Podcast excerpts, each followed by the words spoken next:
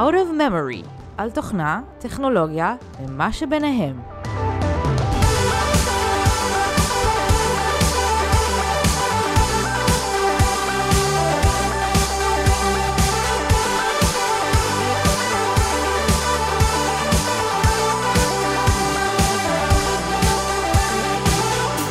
שלום וברוכים הבאים לפרק השני של Out of Memory. אני מיכה קאופמן. ואני עופר זליג, והפרק אה, היום אה, יעסוק במגוון אה, נושאים מעניינים, אבל קודם כמה מילים של הקדמה עלינו למי שלא האזין לפרק הראשון. אגב, אם לא האזנתם לפרק הראשון, רוצו ותאזינו לו, גם כי אנחנו מסבירים קצת יותר על עצמנו וגם הנושאים שהיו שם, אני רוצה להאמין. שהיו מעניינים. מיכה ואני uh, מכירים uh, כבר uh, לא מעט שנים, הקמנו ביחד בתוכנה בשם פיקסיסופט, בנינו בו כמה תוכנות ואתרים מעניינים. אחד האתרים שאני מניח שרובכם לפחות הפחות צעירים מביניכם מכירים הוא אתר חבר'ה, הרשת החברתית הראשונה. מה אתה יכול לספר לנו על חבר'ה, מיכה? רק בכמה מילים. קודם כל על פיקסיסופט, שהיה בתוכנה שהקמנו אותו ב-97 או 8. אה, חבר'ה, בזמנו, בשנת 99, אני חושב, אה, היה פייסבוק הראשון, כמה, שלוש-ארבע שנים לפני שפייסבוק קמה. הוא הגיע... שבע, שמונה שנים, אני חושב. שבע, שמונה, יכול להיות? לא, לא שלוש, ארבע, כן, אה, לפני שמרק צוקרברג עשה את זה ככה באוניברסיטאות, כן, בלי שאף אחד הכיר, נכון. ושבע שנים עד שזה ככה פרץ לתודעת כולם. וזה היה גם אתר, אני חושב, מספר אחת בישראל. בזמנו, mm-hmm. וכמו שהוא עלה, ככה הוא ירד. ו... היה לו הייפ כזה. היה לו, היה הייפ. לו הייפ, אבל אני חושב שלא השכלנו אה, לנצל, לשמר את המומנטום. כלומר, מה שפייסבוק יותר הצטיין בו הוא אה, ה stickiness הזה, העניין הזה שהמשיך ונשאר, ובחבר'ה היה איזושהי תופעה מאוד מאוד יפה של אה, אנשים שכולם נכנסו, כולם אה, פתאום ראו את החברים שלהם מהיסודי ותנועת הנוער והתלהבו, ודיברו, וגם היו כמה מפגשי מחזור וסיפורים מעניינים, אבל אה, לא היה המשכיות אחרי הגימיק הזה, ו... ולכן אני מניח שמרק צוקרברג נמצא במקום אחר מאיתנו, והוא לא כן. לא כמונו מקליט פודקאסטים. וזה היה מעניין, מה עוד? או, עוד פוט מעניין ששכחנו להזכיר בפרק הראשון.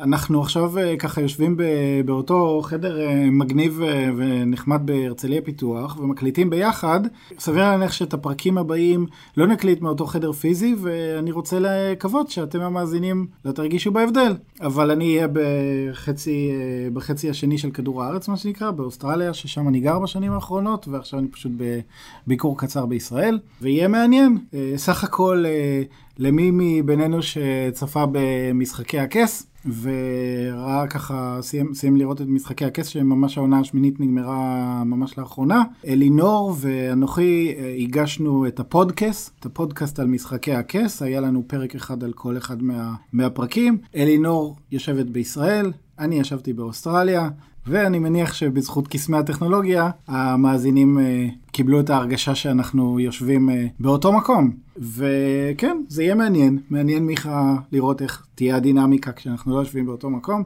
כן. אבל... מה זה לא באותו מקום? בשתי קצוות כדור הארץ בערך. לגמרי. אתה באוסטרליה, אני בישראל. אני חושב שבתור ילד פעם חשבתי שאם חופרים עמוק עמוק ויוצאים מישראל לקצה השני של כדור הארץ, זה יוצא באוסטרליה. אה, רגע, זה כדור? אמרו לי, זה לא שטוח? זה לא... לא, מסתבר שזה כדור, אבל אה, גם מסתבר שזה אה, לא נכון. אם חופרים, אה, יוצאים איפשהו באוקיינוס, ליד אוסטרליה. אז אנחנו לא נהיה ממש בשתי הקצוות כדור הארץ, אבל לא רחוק מזה. מהפרק הבא של הפודקאסט שלנו, אנחנו נשדר משתי קצוות העולם, וזה יהיה ממש נחמד. כן, אז מחכים בשקיקה. טוב, נראה לי די עם המטה, מטה שיחה על הפודקאסט, בוא ניגש לעניינים. כך הזכרתי קודם את משחקי הכס, ואתה יודע, מיכה, שעונה שמונה דיברו עליה הרבה. אני מאמין שרוב מאזיננו ראו את משחקי הכס, כי ככה זה מעניין, אבל אתה יודע, זה לא נושא הפודקאסט הזה. דיברו הרבה על העונה, אם היא הייתה טובה, אם היא הייתה לא טובה. תאמינו לי, אם אתם רוצים לשמוע את כל חפירות העונה, לכו לפודקאסט, אבל אה, לא נעשה פרסומת. לפודקאסט, חוץ ממה שכבר עשינו כבר ברגע זה, חוץ ממה שזה, זה בסדר, אין כסף ב... לא שם. לא לחשוב על פיל ורוד, לא כן. לחשוב על פיל.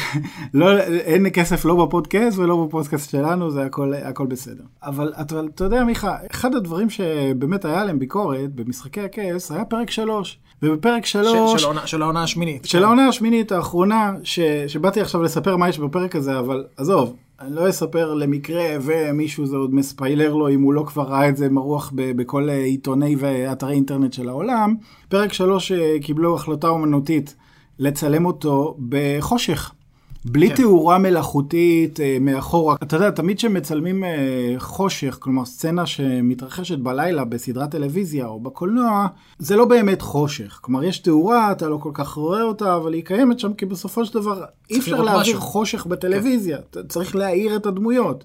והפרק הזה היה חשוך, וזה הטריף את כולנו. ו... לא את כולם. זה הטריף את, את, את, את כל הצופים. למה אתה אומר שלא את כולם? או, כי אני חושב שזה תלוי בטכנולוגיה של הטלוויזיה של הצופה. מי שהייתה לו טלוויזיה בטכנולוגיה שנקראת OLED, הוא די הבין מה ראו בחושך. אוקיי. Okay. ומי שהיה לו טלוויזיה אה, מסוג LED ולא OLED, mm. LED או אה, פלזמה או... או LCD. LCD, אולי נעשה קצת סדר בדברים האלה עוד מעט. אז כל, שזה רוב הטלוויזיות היום. הייתה לו בעיה, כי הצנות היו חשוכות נורא. ואז uh, מי שניסה להיות קצת מתוחכם, אז הוא הגביר את הבהירות, את הברייטנס, אבל אז מה שקרה זה שעדיין הוא לא ראה כלום, כי הכל נהיה יותר בהיר. החושך נהיה יותר בהיר, אבל זה לא עזר לו, כי הוא עדיין ראה חושך. אז החושך לא היה שחור, הוא היה אפור. Mm-hmm. אבל עדיין לא שמו לב לפרטים כן. בתמונה. לא היו גוונים של אפור, היה או שחור או לא שחור. כן, הגדלת. הברייטנס לא עזרה, והגדלה הקטנה של, של ניגודיות גם לא ממש שינתה, למי שיש טלוויזיה שהיא לא OLED.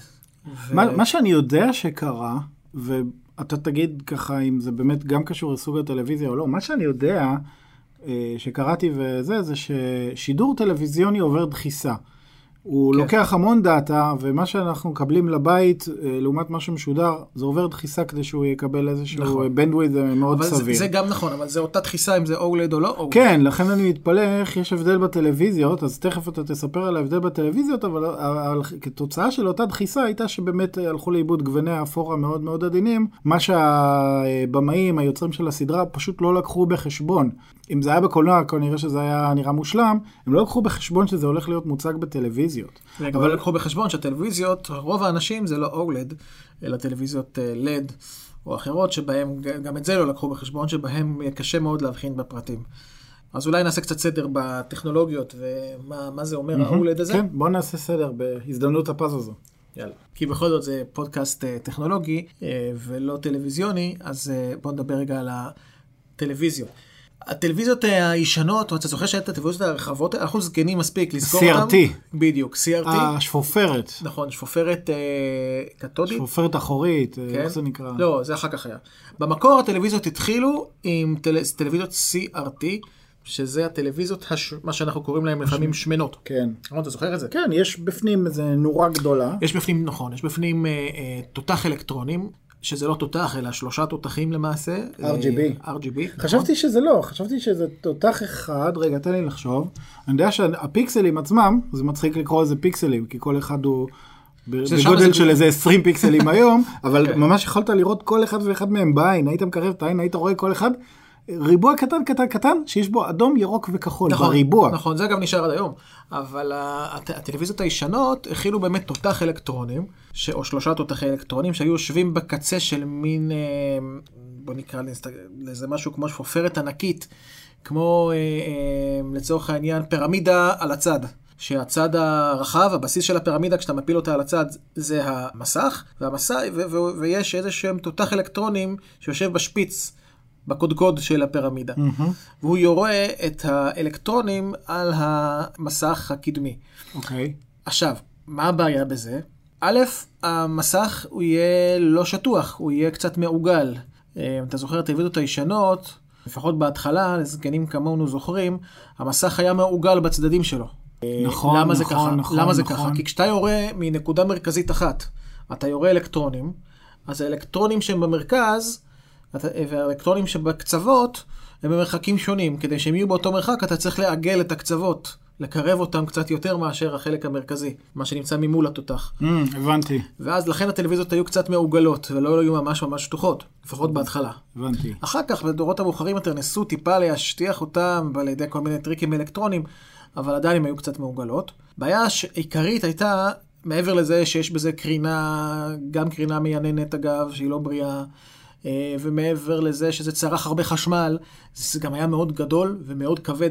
הטלוויזיות הכי גדולות שהיו בזמנו, היו בסביבות 37, יש כאלה שהשיגו 38 אינץ', מה שהיום נחשב טלוויזיה בינונית, קטנה, אה, אז זה נחשב כטלוויזיה הכי גדולה של CRT. לא היה יותר מזה. להגיע היו כאלה שסיפרו שהגיעו ל-40 אינץ', אנשים היו בהלם. 40 אינץ' טלוויזיה CRT. עכשיו, מה הבעיה בטלוויזיות האלה? ככל שאתה מגדיל את הגודל של המסך, ככה גם ממד העומק גודל. נכון, הם היו פתאום הם מאוד היו מאוד שמנות. זה, זה היה קובייה, אתה לא יכול היית להגדיל את המסך ולהשאיר את העומק באותו עומק. למה? כדי להשיג תמונה גדולה יותר, אתה צריך להרחיק את התותח, זה כמו, ב, אה, לצורך העניין, תחשוב על זה כמקרן. כדי להגדיל את הגודל של התמונה במקרן, אתה צריך להרחיק את המקרן מהמסך. התמונה גודלת. Mm-hmm.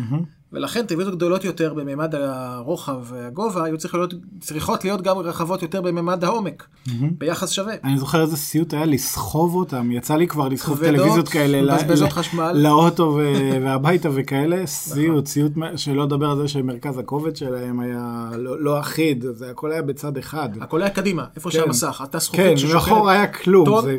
מקדימה ומאחורה כלום, נכון. זה, זה היה העולם של ה-CRT. ואחר כך הייתה תקופה שהיה מקרן אחורי. כן. אתה זוכר את זה? כן, כן, מקרן אחורי. כן. מקרן אחורי זה אותו דבר. זה גם עדיין אותו תותח אלקטרונים, לא שינו כלום. פשוט במקום להקרין את התמונה מאחורה, מהטלוויז... מהחלק האחורי של הטלוויזיה קדימה, לקחו את הטלוויזיה והשכיבו אותה כאילו שהיא תקרין לתקרה, ואז עם כל מיני משחקים של מראות, mm, כמו בצוללת לצורך העניין, כיוונו את התמונה שהיא תהיה, במקום כלפי התקרה, תהיה כלפי הצוף, כלפי היושב. הבנתי, הבנתי, הם שיחקו עם הנדל"ן. כן. הדבר הזה, מה שהוא הצליח לעשות, זה לגרום לטלוויזיה לגדול, כבר אז היו יותר מ-40 אינץ', שהגיעו ל-60 אינץ', וואו, המון. אנשים היה להם טלוויזיה כזאת, היו נחשבים מיליונרים, היו עולים איזה 100 אלף שקל בערך. אני זוכר, זה משהו לא נורמלי. אה, טלוויזיה 60 אינץ', זה היה נחשב משהו ענקי. דרך אגב, שוקל המון. היו מכניסים את זה לפעמים עם מנופים הביתה. היה לפעמים רמקול מתחת, שהיה חלק פריט ריהוט מה... כן, זה היה תופס אה, שטח ענק, עם רמקול והכל. האיכות של תמונה, אגב, הייתה פחות טובה. פחות, בגלל המראות. בדיוק. המראות האלה, כלומר, גם שילמת 100 אלף שקל, וגם קיבלת טלוויזיה כן. שרואים עם טיפה פחות כן. בהירות וטיפה פחות ניגודיות, מכיוון שזה עובר כל מיני, זה בעצם עובר הגדלה. Mm-hmm. לצורך העניין זכוכית מגדלת, היא פוגעת באיכות. Mm-hmm. אה, זה היה תקופה אבל, קצרה, זאת אומרת, אני לא יודע אם זה היה ברמה של נכון, שנתיים או שלוש, אבל, שנים ככה. אבל אז הגיע דור הפלזמות, שבטח תספר עליו עוד מעט, וככה פשוט כן. הוציא אותם מהר ביעף מה, מהשוק. זה העיף את זה צ'יק צ'אק, כי הטכנולוגיה הזאת הייתה לא טובה. היית צריך חדר חשוך מאוד בשביל לראות uh, טוב, uh, יותר חשוך מאשר בטלוויזיות CRT רגילות, uh, ואנשים שילמו המון המון כסף וקיבלו משהו, איכות פחות טובה. הדבר הכי טוב בדבר הזה היה שזה היה יותר דק, לא היית צריך את כל העובי, היה לך מסך 60 אינץ' שהוא בגובה וברוחב, אבל העומק היה פחות מ-60 אינץ', היה 30 אינץ'. Mm-hmm. ואז זה היה נראה קצת יותר ביחסים הגיוניים. וגם בגלל שזה הרשה, אפשר לך להסתכל מרחוק יותר, כי הטלוויזיה גדולה יותר, זה אולי פיצה על זה שהאיכות שלה יותר נמוכה. כי מרחוק אתה רואה פשוט פחות פרטים. יכול להיות, למרות שהרזולוציה זה לא היה עניין שם, הבעיה שם הבהירות הייתה נמוכה יותר. אה, בהירות? הייתה נמוכה יותר, אז אה. היית צריך להחשיך את החדר קצת בשביל לשים לב לפרטים. אה, הבנתי. זה לא יחזיק הרבה זמן, כמו שאתה אומר. אחרי זה הגיעה טכנולוגיית הפלזמה וה-LCD, פחות או יותר ביחד. אוקיי. Okay. הפלזמה, דרך אגב, טכנולוגיות שונות לגמרי. הן שונות, ואני זוכר שבהתחלה LCD עלה יותר מהפלזמה, והיה לו יתרון אה, קל. מה היה יתרון? אה, נדמה לי זה שבפלזמה היה צריבות, וב-LCD לא, לא זוכר אם היה עוד משהו. אוקיי, okay, אז מה ההבדל ביניהם? הפלזמה, למעשה, היו המון המון נוריות קטנות, שכל אחת יודעת להאיר אה, בפני עצמה, אה, והנורה לידה יכולה להיות כבויה. בעצם כיסו את המסך בהמון אלפי או מיליוני נור, נורות, נוריות קטנות. Mm-hmm. מה טוב בזה? אתה יכול להשיג ניגודיות מצוינת. כי בניגוד לטלוויזיה רגילה, שאתה מאיר על כל השטח, ואם יש אזור עם אור ואזור חשוך, אז האור קצת יזלוג לאזור החשוך. במקרה הזה, כל נורית נמצאת בקדמה של המסך, ואם היא דולקת, היא לא משפיעה על הנורה שלידה. הנורה לידה יכולה להיות כבויה, אז לכן זה נראה מאוד חד. כן. מה החיסרון של זה? אם תסתכל קרוב קרוב, אתה קודם כל תראה שיש בין הנוריות איזשהו... אמ, פס? פס, כאן, אתה תראה ממש פסים mm. בין הנוריות, פסים שחורים. אם תסתכל מקרוב, כשאתה מסתכל מרחוק אתה כבר מאבד את זה. דלוקה, מן הסתם, לא כשהיא סגורה כן, ולכל כן, שחור. כן, כן, שהיא דולקת. אתה רואה מין מטריצה כזאת של, של קווים. אוקיי. דבר ראשון. דבר שני, אתה לא יכול להגיע לטלוויזיות ממש קטנות פלזמה. טלוויזיית פלזמה צריכה להיות, להתחיל מגודל גדול של 30 ומשהו אינץ', 40 אינץ', זה היה גודל של הפלזמות הסבירות, והרזולוציה לא יכולה להיות מאוד גדולה, בייחוד אם הטלוויזיה היא נגיד 30 ומשהו אינץ', שזה היה הפלזמה הכי קטנה שיש, אתה לא יכול לעשות בגודל כזה רזולוציה מאוד גדולה, כי אתה צריך לכוות חוטים כל אחת מהנוריות האלה, וזה כבר פעולה מאוד מאוד קשה. Hmm. ועוד חיסרון, גם שהטלוויזיה הזאת הייתה, למרות שהייתה דקה הרבה יותר מהטלוויזיות CRT, עדיין היה לה עובי של כמה סנטימטרים טובים. כן, אבל זה לא היה אה, נורא. וכן, אז זה נחשב אה, פריצת דרך. אבל אם הייתי רוצה להגיע לרזולוציות מאוד גבוהות, כן. ה-LCD ניצח. ה-LCD עבד אחרת לגמרי. ה-LCD בעצם הייתה טכנולוגיה של לקחת שתי לוחות זכוכית, וביניהם להכניס איזשהו חומר של אה, מוצק נוזלי, חומר שיודע לשנות את המעבר אור שלו, אה, ולהחליט מתי הוא פתוח, מתי הוא סגור, אני לא אכנס לפרטים הטכניים. אתה כל הזמן מאיר מאחורה, אור לבן, שכולל בעצם את כל הגוונים, כמו שאנחנו יודעים, לבן זה כל הצבעים ביחד. מקרין אור לבן על כל משטח המסך מאחורה, מנורת פלורסנט בהתחלה, אחר כך בדורות המתקדמים יותר זה הפך להיות נורות לד, אבל הם על כל המסך והם בצבע לבן. אוקיי. ולפני הנוריות האלה, בין הנוריות האלה, או הפלורסנט הזה, הלבן, לבין הצופה, יש את שתי הלוחות זכוכית שביניהם חומר שיודע על כל פיקסל לפתוח ולסגור את השסתום, נקרא לזה, של האור. בעצם אתה, אם אתה רוצה לראות תמונה שחורה וכל המסך שחור, כן. אתה פשוט צריך לסגור את כל הפיקסלים, ככה שהאור מאחורה לא יעבור קדימה. אה, בגלל זה כשהתמונה הייתה שחורה, היא לא באמת הייתה שחורה, נכון. כאילו הטלוויזיה. כבויה, אלא מהירה. עכשיו, מה לגבי... כשהטלוויזיה הייתה כבויה, עוד איכשהו ראית אותה פחות או יותר בצבע כמעט שחור, אבל כן. כשהטלוויזיה דלקה, אפילו אם התמונה הייתה שחורה לגמרי, היית רואה אותה טיפה אפורה, כי בכל זאת יש אור מאחורה לבן וזה שונה כל הזמן. מהפלזמה. וזה שונה מהפלזמה, פלזמה כל נורה היא דלקה בפני עצמה. עכשיו תגיד, ב-LCD איך, ה... איך עשו צבעים בעצם? אמרת מה זה, מה זה לבן, מה זה שחור, ואיך עשו צבעים? אותו דבר, RGB, אם היית מסתכל ממש ממש מקרוב, היית רואה שכל פיקסל שם מורכב בעצם מתתי פיקסלים, משלושה פיקסלים, אדום, ירוק, כחול. אה, כלומר זה לא היה רק תריס שמכבה מדליק, אלא היה לו את כל מיני מצבים באמצע. כן, כן. היו שלושה צבעים, ו- וככה הצגת את את הצבע, אבל תמיד דלק אור לבן מאחורה. למעשה אתה גם סיננת את הצבעים שאתה לא רוצה. כן, הבנתי, הלכת. הלכת הפוך. זה כן. כמו ההבדל בין RGB ל-CMYK. למי שתהה למה, למה במחשב אה, על המסך הצבעים מסוימים ובדפוס. ובדפוס הפוך כי המסך מתחיל משחור ומתבהר R- כלומר RGB בצבע, בערכים מלאים של 255 כל אחד זה לבן וכל מה שבאמצע זה מה שבאמצע זה צבעים. CMYK זה הפוך זה הדף הוא לבן זה, זה לדפוס. ה-K, C זה סיאן, זה דמוי של תכלת, M זה מג'נטה גלגל, Y זה ילו, K זה בלק. את הבלק אתה מדפיס, את השחור אתה מדפיס, ההתחלה, נקודת המוצא שלך היא לבן. נכון. זה אחת הסיבות ל- להבדל מסך, ביניהם. נק... אז- מסך מכובה זה שחור, דף שלא כותבים עליו הוא לבן, ולכן אתה מדפיס הפוך. זה פחות או יותר לגבי CRT. ואז הייתה מלחמה בין אה, אה, אוהדי הפלזמה לבין אוהדי ה-LCD. אה, כל אחד טען שהטלוויזיה, שהטכנולוגיה שלו יותר טובה, כל אחד צדק. ב-LCD היה את החיסרון של אה, תאורה אחורית דולקת כל הזמן, ולכן הבעיה ב-LCD הייתה שאם הייתה סצנה חשוכה, היא הייתה בעצם טיפה אפורה, ואם היה... אה, הייתה מוארת מדי. הייתה לא? מוארת מדי. היה זליגה, הייתה זליגה, כלומר, אם היה לך משהו שנראה, למשל, קו שחור, קו לבן, קו שחור, קו לבן, היית אה, רואה טיפה זליגה מהלבן לשחור, כי לא מה, זה אומר? לא היה דיוק, האור, מה לעשות, כן. הוא יודע להתפשט, ולכן הוא התפשט קצת לאזור, אתה מנסה לכסות אותו, אבל הוא יזלוג טיפה לצדדים. אבל זה דבר שלא היה דווקא עוזר בפרק ההוא של משחקי הכסף לא, ליגה הוא, הזאת, לא? הוא בכלל לא היה, איפה הוא היה מזיק. כי היית פתאום מקבל קצת יותר אה, דברים אפורים בין לבין, ולא רק שחור או... לא או, ולא רק שחור.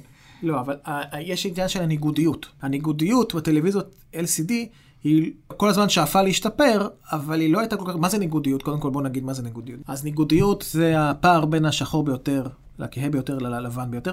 ב-LCD אה, הפער הזה לא היה כל כך גדול. כלומר, השחור היה טיפה אפור, אה, והלבן היה טיפה אפור בהיר. אה, ולכן הפער ביניהם לא היה מספיק גדול. וכשאתה רואה סצנה אה, חשוכה, שבה אתה אמור לשים לב לפרטים, אתה לא כל כך תרגיש את ההבדל בין הבהיר לכהה. זה הבעיה הכי גדולה של ה-LCD. פלזמה, לעומת זאת, סבלה מבעיות אחרות. היא הייתה כבדה יותר, מבזבזת חשמל יותר, הרזולוציה שלה הייתה בדרך כלל נמוכה יותר, לא יכולת להשיג אותה בגדלים מאוד קטנים, ולכן הפלזמה די נעלמה מהעולם. בתחרות הזאת ניצחה LCD בגדול. כמעט שלא מוכרים היום טלוויזיות פלזמה בעולם. דווקא המקום... חשבתי שאף אחד לא רוצה כאילו גדלים קטנים. כלומר, קטן זה לא בהכרח משהו שמחפשים. אה, פלאפונים? פלאפונים למשל, אין אף פלאפון פלזמה. פלאפון, המסך הוא LCD? פלאפונים, חלקם LCD, חלקם OLED, שתכף נדבר על זה. אה, אוקיי. LCD או שעונים, גם יכולים להיות מ-LCD, מסכים כאלה קטנים. אוקיי, אז LCD ניצחה את הפלזמה. LCD ניצחה, פלזמה נעלמה. אגב, המקום היחידי שהיום עוד רואים פלזמות, זה בשלטי חוצות, למשל, שיש טלוויזיות כאלה ברחובות, בכבישים, אתה מכיר? כן. אז כן, אין פלזמות. כן. אתה אם תסתכל קרוב, אתה תראה שזה בעצם כן. אלפי או מיליוני mm. נור, נוריות קטנות. כן. זה פלזמה. כן, כי שם היא... זה לא צריך להיות קטן מן הסתם, זה גדול, נכון. וגם אף אחד לא מסתכל. ממש מקרוב. כולם מסתכלים ממש מרחוק, ולכן לא שמים לב לרווחים, לשחורים בין mm-hmm. הנקודות. אז מן הסתם בגלל שזה הכי זול, זה ניצח בתחום הזה. זה ניצח בתחום הזה בקלות, אה, ועדיין יש פלזמה בדברים האלה. בשלטי חוצות, בדברים האלה. אבל בטלוויזיות ובפלאפונים ובשעונים הפלזמה נעלם, נשאר ה-LCD, ואז הגיע המהפך הבא. אחרי שעברנו את ה-CRT ועברנו את הפלזמה ועברנו את ה-LCD, הגיע השלב האחרון של OLED. מה עם LED? אוקיי, okay. LED זה אותו דבר כמו, זה סוג של LCD, פשוט החליפו את הפלורסנט האחורי שעושה כל הזמן אור לבן. אתה זוכר? כן, דיברנו כן, עליו? כן. אז במקום שזה יהיה פלורסנט, זה הפך להיות לדים, שהם חסכוניים יותר בחשמל, ועדיין הם כולם לבנים. אה, הם לבנים עדיין? הם חשבתי שזה לבנים. דווקא כן נותן יתרון. לא, לא, טלוויזיית לד זה טלוויזיית אז כל מה שהיא עושה בחיים רגילה. זה לחסוך בחשמל. לא שאני מזלזל, אבל זה ההבדל היחיד. אה, וגם בחשמל, גם באורח חיים, גם במשקל, אה, גם בחום. גם בהרבה דברים, זאת אומרת, טלוויזיה, גם היא דקה יותר. מה עם ניגודיות? היא לא יותר טובה? הניגודיות, אה, בטל... או, ניגודיות, שאלה טובה. ברגע שעברו ללדים, אה, במקום לפלורסנט, אבל שים לב, מדובר עדיין, אנחנו עוד לא הגענו ל-OLED, אנחנו עדיין מדברים על טלוויזיות LED רגילות, שזה טלוויזיות, כמו שאמרתי, אה, LCD רגיל. כשעברו אליהם, התחילו לחשוב על רעיון מאוד נחמד, שאם למשל יש לי סצנה שבה חצי מסך הימני הוא שחור, וחצי מסך השמאלי הוא לבן, בוא נכבה את האור האחורי רק מהחצי השחור. אז מה שיקרה זה שיהיה תאורה אחורית שהיא כל הזמן לבנה, נכון, אבל לא כל המסך יהיה, יאיר. אם יש לי אזור, בואו נחלק את המסך אפילו ל-12 אזורים. Mm.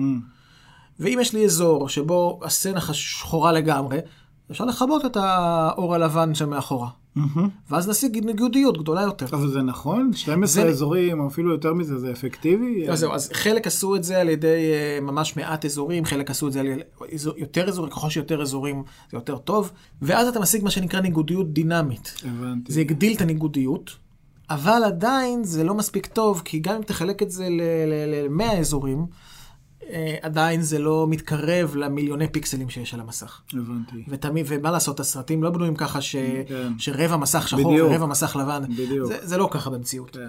אז זה אומנם שיפר, והלדים אה, שיפרו את, את כל המאפיינים של הטלוויזיה, העובי, המשקל, החום, הכל. צריך את חשמל, אבל טיפת הניגודיות גם, בגלל הניגודיות הדינמית הזאת שדיברנו עליה, אבל עדיין זו הייתה טכנולוגיה של LCD. כן. ואז הגיע הדור החדש, של, של ה-OLED. כי אני זוכר שלפני שנים דיברו על OLED, ואז התפלאתי שיצאו טלוויזיות LED, ואמרתי, רגע, זה לא OLED, אז מה הקטע, ואז... LED יצא הרבה לפני ה-OLED. כן, כן. OLED זה המהפך הבא. לא, שמעתי על OLED, באיזשהו, לא יודע, עיתונות איזוטרית, ואז לא יצא OLED, יצא LED, הרגשתי שזה לא OLED, ואז באמת אחר כך אמרו, כן, זה לא זה, זה סתם נראה דומה. אולי אתה מדבר על QLED. יצא QLED לחברת סמסונג, אה, שזו טלוויזיית אה, עדיין LCD אה, עם לדים.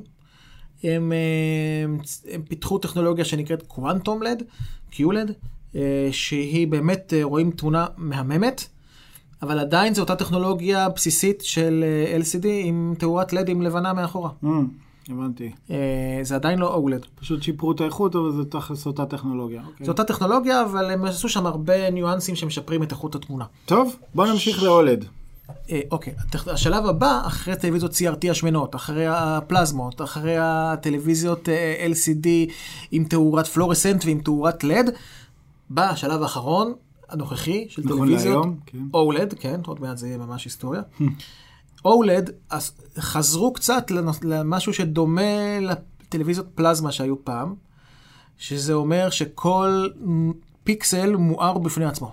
אין יותר תאורה לבנה מאחורה. מהמם. לא מש, לא משנה, גם לא לד וגם לא פלורסנט, אין בכלל תאורה לבנה מאחורה, ואין מסך שמסתיר את הלבן מקדימה, אלא יש, כל פיקסל, יש לו באמת, בדומה לפלזמה, יודע להידלק ולכבות מעצמו, באופן עצמי, יפה. אבל לא על ידי מיליוני נוריות כמו בפלזמה, אלא?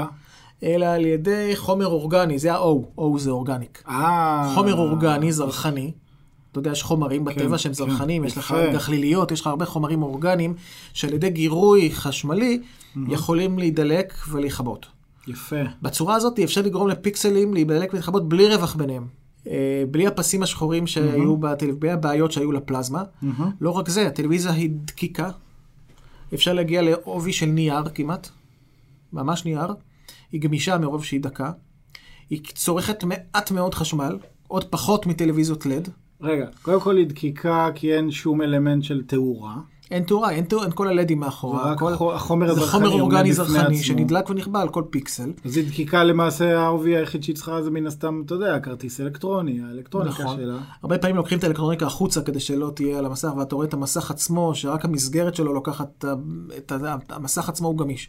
כשאתה לא קונה מסך OLED וסוחבים לך אותו הביתה, אתה רואה שהוא מתקפל כמו קרטון כזה, כששניים כן, אני זוכר שזה. מה שכשהציגו את האולד, שהוא אז דק. אמרו שזה אחד היתרונות של הטכנולוגיה הזאת, שאי אפשר לקפל אותה, אז כן. דיברו על אה, עיתונים, כמו אולד- ב- כמו אולד בהארי פוטר, שאתה. יכול אה, נכון, נכון. עיתון נייר לקפל, אבל הוא בעצם אלקטרוני. הנה, סמסונג עכשיו עושה... ט- כן, אה, הטלפון המתקפל, שבינתיים. כולם צוחקים עליו. המסך שלו הוא OLED. כן. אז, OLED הוא דק, הוא מבזבז, התצרוכת חשמל שלו היא ממש אפסית. יש איזה יתרונות מאוד גדולים, גם לא מתחמם כמעט. איך בעצם מגיעה פקודה, אפרופו תצרוכת חשמל, ויש את החומר האורגני, איך מתקבלת במרכאות הפקודה ל- לפיקסלים הבודדים להידלק ולהיכבות? איך היא מתקבלת? יש, יש כרטיס מסך מאחורי כל הדבר הזה, ששולח את הפקודה לפיקסל מספר 3000, כמו X, כל 4000, המיליוני. פיקסלים מחוברים כן, ל... לגמרי, ו- ושולחת לו. את האות החשמלי שמדליק את החומר האורגני. הבנתי. בנקודה הזאת, התמונה מדהימה, הניגודיות היא נקראת אינסופית. אם במסכי לד, אז הניגודיות הייתה נגיד 1 ל-3000, ככה נמדדת ניגודיות. זאת אומרת, אה, מה... פי כמה הבהיר יותר בהיר מהכהה. אחד לשלושת אלפים, אוקיי. אז נגיד 1 ל-3000, לפעמים בודקים את זה מגר... מאפור לאפור, לא ניכנס לזה, אבל 1 ל-3000 זה הערך נגיד סביר, זה ניגודיות בטלוויזיית לד. ניגודיות דינמית היא יכולה להיות 1 ל-20,000 נגיד, ניגודיות של OLED היא 1 לאינסוף. למה? אינסוף. כי הפער בין הש... השחור הוא, הוא אפס, אין לו בכלל אור. אוקיי, והלבן? הלבן לא משנה מה הוא, ברגע שיש לך משהו שהוא אפס, אז היחס בינך לבין האפס הוא אינסוף. אה, הבנתי, אבל, אבל האם זה גם אומר שטווח האפורים וטווח הצבעים שכל אה, נקודה, כל פיקסל יכולים להציג, הוא גם בפועל דמוי אינסופי? אה, תראה, יש בסוף סוף, כמובן, יש לך לבן, ויש לך באמצע גוונים של אפור, וזה לא אינסוף גוונים של אפור. אבל ניגודיות לא סופרת לך כמה גוונים יש, ניגודיות סופרת לך מה היחס הבנתי. בין השחור הבנתי. ביותר ללבן כן, ביותר. אז אם כיוון זה שיש אפס, אז ברור, זה אז זה אינסוף. אינסוף. אז. אבל בסופו של דבר, אתה רואה תמונה שהיא נראה, הניגודיות אגב, זה בעיניי התכונה החשובה ביותר בטלוויזיה, יותר מבהירות, שאומר כמה אור הטלוויזיה יכולה להוציא, ככל שיש בהירות גבוהה יותר, אתה יכול לראות את הסצנה גם בחדר מואר. וכשיש ניגוד בהירות נמוכה, אתה צריך חושך בשביל לראות. אז זה דבר חשוב, אבל בעיניי הדבר החשוב ביותר בטלוויזיה, כדי שתרגיש תמונה איכותית, זה לא הבהירות, זה לא האחידות, זה לא הרבה מאפיינים כאלה, אלא ניגודיות. הניגודיות, כשאתה רואה טלוויזיה ניגודיות גבוהה, אתה מרגיש את זה. ובמשחקי הכס, בסצנות החשוכות האלה, כשיש לך ניגודיות גדולה, אתה רואה את ההבדל בין האפור הבהיר לבין השחור. כי השחור הוא שחור, והאפור הוא, לא, הוא לא אפור כהה, הוא שחור.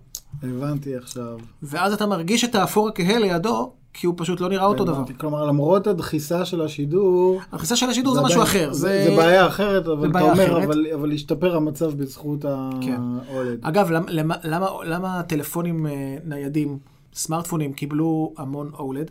כי זה בדיוק מה שהם צריכים. תצרוכת חשמל נמוכה כדי לא לבזבז לך את נכון, הסוללה. נכון. הם צריכים את זה. עובי נמוך טלוויזיות, כי אתה רוצה נכון, כי כל אלפית מילימטר חשובה בטלפון. כן, אז זה מצוין. אה, ו- וגם מתקפל, הנה, סמסונג מנסה לעשות אותו גם מתקפל, זה עוד תכונה שלו. ולמה זה צורך מעט חשמל אגב? כי אם אתה עושה תמונה שח- כולה שחורה, אז שום דבר לא דולק. אם בכל המסך, מסך שחור עם כמה מילים בלבן, אתה צריך להעיר רק את המילים בלבן, לעומת LCD, שאתה צריך להעיר את הכל, הכל, הכל, ואז להסתיר את השחור. הבנתי. אז זה, לכן זה צורך פחות חשמל, בייחוד כן. עם ה... דרך אגב, פה יש הבדל בין ה-LCD לבין ה... בין ה-OLED לבין ה... לבין ה-LED הרגילים. ב-LED רגיל אין הבדל אם המסך שחור, רובו שחור ויש קצת לבן. זה מבזבז אותו חשמל כמו מסך, כמו תמונה שהיא כולה לבנה עם מעט שחור. זה לא משנה, כי האור מאחורה דולק כל הזמן. לעומת זאת ב-OLED, אם, הטלו... אם הסצנה היא חשוכה ויש משהו קטן לבן, אתה תחסוך בחשמל. ולכן כל ה... לא הכל, אבל הרבה מחברות הטלפונים עברו למסכים קטנים שהם טכנולוגיית אה, אה, OLED, שממש ממש מתאימה כמו כפפה ליד לטלפונים, לטכנולוגיה של טלפונים ניידים. מעולה. מעולה. אז זה מה שצופן לנו העתיד, או שבעוד אה, חמש שנים... יש, לא, יש עוד רעיונות, יש טלוויזיות לייזר, אה, לא לייזר מקרן, זה כבר יש, אלא יש טכנולוגיית עתידית שהולכת אה, אה, להיכנס אולי בעוד כמה שנים, עובדים עליה כבר הרבה זמן, של טלוויזיות שמקרינות אה, עם לייזר את התמונה. יש עוד כמה רעיונות בכיסים של מפתחים פה ושם. אבל כיום, אם מישהו רוצה לקנות טלוויזיה שהיא זמינה בשוק בטכנולוגיה הטובה ביותר, זה כנראה יהיה אולד. ואיך המחיר שלה, אגב, הוא יקר היום בטירוף? הוא יקר יותר או... משאר הטכנולוגיות. בהרבה אבל... או לא בהרבה? כאילו, ברור שהמחיר ירד, המחיר אבל היום יורד. הוא יקר בהרבה או לא? טלוויזיה נגיד של, אם אתה לא מגזים בגודל ולוקח 55 אינץ' נגיד. כן, כן, גודל סבבה. אז זה כבר ירד לכמה אלפי שקלים בודדים. כלומר, זה יכול לעלות אבל בהשוואה, כאילו, תפוחים לתפוחים, אותו, אתה יודע, אותה פירמה. אז בוא נגיד שזה 20 אחוז אותו 55, אתה יודע, כן? אז אוקיי. זה נגיד סדר גודל של 25 זה ברמת הסביר, כלומר, לא כן. ברמה של, אוקיי, זה קפיצת במחיר שרק מיליונרים עכשיו יוכלו להרשות לעצמם. אמרתי את זה על 55, שזה כנראה הגודל הכי קטן. Mm. בגדלים גדולים יותר, 65 זה כבר פער גדול יותר, ב-70 ומשהו, שזה נשמע כאילו גדלנו רק בקצת. כן. פער המחירים הוא אסטרונומי. אבל למה אסטרונומי. זה? יש קפיצה בסיבוכיות כן, של יצירת כן, טלוויזיה גדולה? למה? אני, אני אגיד לך למה. כי השאלה היא כמה פאנלים הולכים לפח. אה, אה, אה, הבנתי, תהליך הייצור, בדיוק. כמו שיש ב-CPU, הבנתי. כן, בוא, בוא, בוא, בוא תספר על זה ל... נראה לי שצמחנו לעשרות מאזיננו מאז ההתחלה שהיינו באחדות מאזיננו. בוא, בוא תסביר רגע. לכל אחדות מאזיננו או עשרותם, הפאנלים האלה, חומר אורגני אגב, חומר שהוא יכול להתקלקל, כמו כל דבר אורגני. יכול למות. וכשאתה מייצר מסך ענק, ככל שיש לך אה, פאנל יותר גדול, ככה יש סיכוי גדל שיש לך פה ושם איזה שהוא פיקסלים שרופים. Mm-hmm. ואם פיקסלים שרופים, לא מתקנים אותם. כן. זורקים את הכל. לא כלכלי. לא כלכלי. ולכן הטלוויזיות, ככל שהן גדולות יותר והרזולוציה שלהן גדולה יותר, ככה אה, יש יותר בזבוז של פאנלים שהולכים לפח. כן, ולכן לא... המחיר משקף בהתאם את, את הבזבוז הזה. זה דבר ראשון. דבר שני, יש גם כמובן גם את הנושא של אה, עמלת אה, פרימיום. אתה קונה את הדבר הכי יקר, אתה משלם תוספת יוקר, נקרא לזה. על זה שאתה קנית את פסגת הטכנולוגיה, אתה תשלם על זה. הבנתי. אז לכן טלוויזיות, בוא נגיד, טלוויזיות, תבין, טלוויזיות 55 אינץ' עולים, עולות בסביבות 5,000, 6,000. כן, לדעתי אפילו פחות. אה, עולה. טלוויזיות 65 כן, אינץ' כן. עולות, בוא נגיד, 8,000, 9,000. טלוויזיות 75 אינץ', עליתי רק ב-10 אינץ', או טופ זה, עולות 30 ומשהו אלף, 40 אלף. כן, פער מטורף. זה היום כן למיליונרים עדיין. אה, ומן הסתם המחיר כן. ירד, כי הוא פשוט יורד כל כך מהר. אבל אתה יודע, למאזיננו בעוד שנתיים, שישמעו בדיעבד כן, את הפרק הזה, כן, יצחקו לנו. יגידו, מה, אנחנו קונים היום טלוויזיה. כן. אני זוכר כש-4K אה, יצא, וזה היה ככה ליחידי סגולה, המסך היה יקר, הכרטיס מסך היה יקר, אמרו, אה, קשה למצוא מחשב שבכלל... יכול להפיק את ה-4K הזה בקצב רענון סביר וזה, והנה, שרדנו. כן. הגיע 4K, זה לא זה. טוב, יפה, מיכה, תשמע, היה לנו פרק, אני חושב, מועיל ומלא אינפורמציה. ואני חושב שהגיע הזמן לסכם את הפרק השני, מה אתה אומר? כן. אז איך נסכם אותו? דיברנו קצת על עצמנו. דיברנו קצת על משחקי הכס, מה שהביא אותנו לדיון המרתק על טלוויזיות. אז יופי, תודה רבה מיכה. בבקשה. ונתראה בפרק הבא. נתראה בפרק הבא. זהו, למאזיננו, אנחנו נעלה אתר בקרוב. בינתיים בקרו אותנו בדף הפייסבוק שלנו, אה, פשוט תרשמו Out of Memory Podcast, אני חושב שיהיה די קל אה, למצוא את זה. בבקשה, בבקשה, תגיבו שם, אה, לא כי אנחנו אומרים את זה סתם, אלא כי אנחנו באמת רוצים לדעת איך להשתפר לפרקים הבאים. כמובן, כמו שאומרות הילדות, like, share, subscribe וכולי וכולי. היה לנו מאוד כיף את הפרקים הבאים, כאמור נעשה כנראה משתי יבשות שונות, וזהו, זה הכל, נתראה בפרק הבא של Out of Memory. להתראות.